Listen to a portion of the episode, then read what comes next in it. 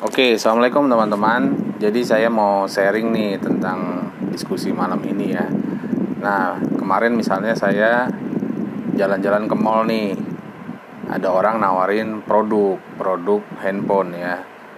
Ya handphonenya ya saya nggak usah sebutin depannya huruf V gitu ya. Oke, nah dia jelasin fitur-fiturnya.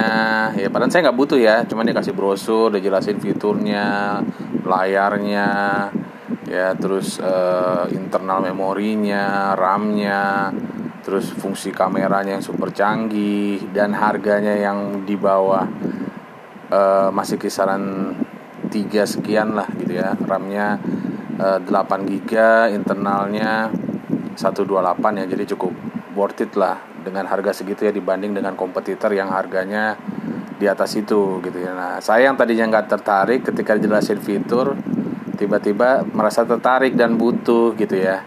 Wah kayaknya saya harus punya nih HP ini.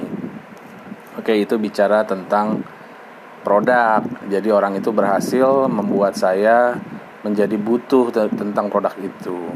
Nah selanjutnya yang kedua Kenapa saya harus beli ke dia gitu ya? Kenapa saya harus beli ke toko dia gitu kan? Kebenaran waktu itu saya lagi jalan-jalan di sebuah uh, tempat yang memang dia pinter gitu nih tekniknya dia memanfaatkan. Nah jadi orang ini adalah sebuah toko yang sangat uh, bonafit lah gitu ya. Saya nggak sebutin tokonya tapi dia sudah punya cabang di mana-mana banyak dan dia garansi resmi.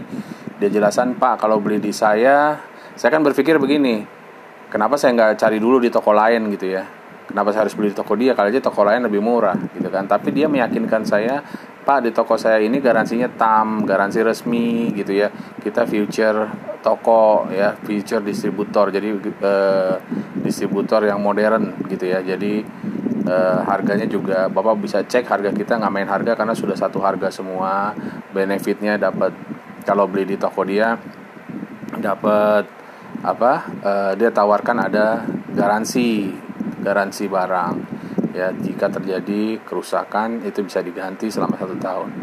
Ya jadi seperti itu. Jadi dia jelaskan tuh si fungsinya kenapa saya harus beli di tempat dia. Akhirnya eh, dia kasih unjuk kalau beli di tempat lain hati-hati pak ada distributor yang kelihatannya murah tapi tidak eh, resmi. Bukan tidak resmi artinya distributornya beda dengan distributor dia. Oke, nah pada saat itu saya sudah believe tuh ke tokonya. Oke deh, saya mau beli di sini. Nah, tapi saya berpikir kan waktu itu saya nggak niat beli handphone. Ya kan? Nah tapi dia langsung mainkan jurus, ketiga yaitu pertanyaan ketiga kenapa harus sekarang? Nah dia langsung ngomong tuh pak saya ngomong ke dia waduh saya nggak bawa duit nih. Ya kan? Karena ini kan dadakan nanti aja deh saya balik lagi deh. Nah dia langsung ngomong tuh waduh pak sayang pak kebenaran ini hari terakhir gitu ya. Promonya nih lagi ada promo nih diskon 500 ribu gitu kan dari harga normal kalau bapak beli besok bisa jadi harganya sudah harga normal gitu kan. Nah ini orang pinter handlingnya.